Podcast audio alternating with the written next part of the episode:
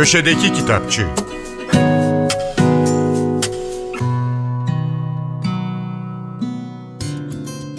Merhaba, ben Adnan Bostancıoğlu. Çağdaş Rus edebiyatında Sovyetler döneminin önde gelen yazarlarından Mihail Bulgakov'un Genç Bir Doktorun Notları isimli eseri İtaki tarafından yayınlandı. Kitabı dilimize Hazal Yalın çevirmiş. Tam adıyla Mihail Afanasyevich Bulgakov, 1891 doğumlu.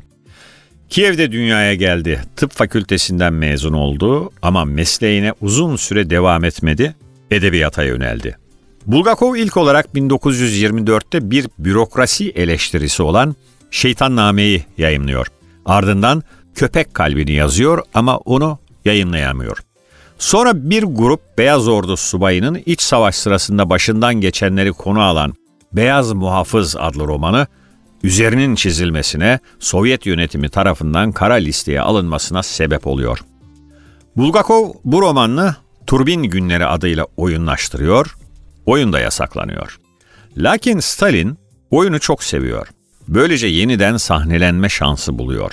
Dahası Stalin'in hayranlığı Bulgakov'a Sovyetler Birliği'nde kazasız belasız yaşama fırsatı sağlıyor. Ama 30'lardan sonra sınırı aştığı kanaati hakim olunca romanlarına yasak geliyor. O yayınlanmasa bile yazmaya devam ediyor. İki önemli yapıtı, Bir Ölünün Notları teatral bir roman ile birçoklarınca baş yapıtı olarak kabul edilen Usta ile Margarita işte bu yasaklı dönemin kitapları. Bunlar Bulgakov'un 1940'ta ölümünden sonra hatta çok sonra 1965-67 yıllarında yayınlanabiliyor.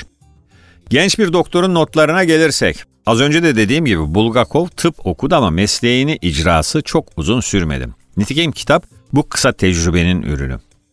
25 yaşındaki doktor Mihail Bulgakov çalışmak üzere ne arabanın ne de elektriğin olduğu dondurucu Rus kırsalına gönderilir modern çağın gerisinde kalmış, batıl inanışlarına sıkı sıkı sarılmış bölge insanını gördüğünde ülkesinin pek çok sorunuyla da tanışmış olur.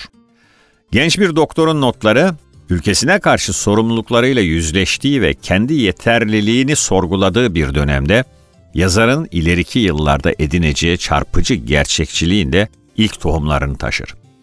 Bulgakov'un eşine az rastlanır mizahi üslubuyla kaleme alınmış bu öykü derlemesi, Yazarın gözlemlerinden yola çıkarken değişimin eşiğindeki bir topluma dair de epey şey anlatıyor. Geride bıraktığımız yıl 29 Ekim'de ziyarete açılan Beyoğlu'ndaki Türkiye İş Bankası Resim Heykel Müzesi binasının 100 yılı aşan serüveni kitap oldu. Feride Çiçekoğlu ve Ertuğ Uçar'ın birlikte yazdıkları kitabın ismi Bina Bina içinde. Türkiye İş Bankası Kültür Yayınları etiketiyle yayınlanan kitap mimari bir monografi çalışması. Bina bina içinde Beyoğlu'na tarihsel bir bakış sunarken yazarlar Uçar ve Çiçekoğlu'nun zaman içerisinde değişen Beyoğlu tecrübelerinden izler taşıyor. Kitap boyunca bir asrı aşan varoluşuna üç hayat sığdırmış bir binanın Bodvi apartmanı ile başlayan ve sonrasında Türkiye İş Bankası Resim Heykel Müzesi'ne dönüşen serüvenine tanık oluyoruz. Ertuğ Uçar esere ilişkin şunları söylüyor. Bu kitap İş Bankası Resim Heykel Müzesi'ni yalıtılmış bir mimari nesne olarak değil, Beyoğlu'nun ve İstanbul'un yakın tarihi içinde yer alan, o tarihi yapan parçalardan biri olarak hikaye ediyor. Çağdaş Çin edebiyatının yaşayan ustalarından A. Cheng'in Üç uzun öyküsünü bir araya getiren Üç Kral kısa süre önce Kırmızı Kedi'den yayınlandı. Öyküleri dilimize Giray Fidan ve Li Pampan çevirmişler.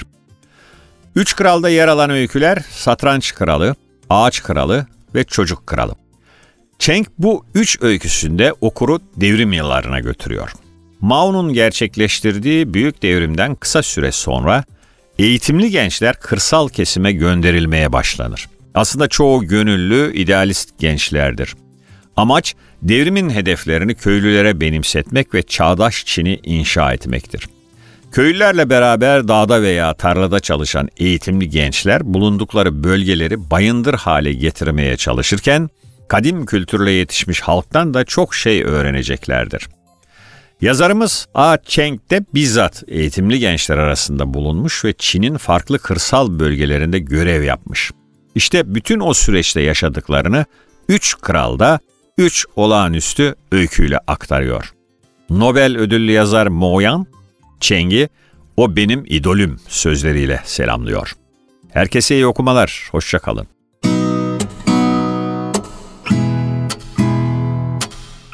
Köşedeki Kitapçı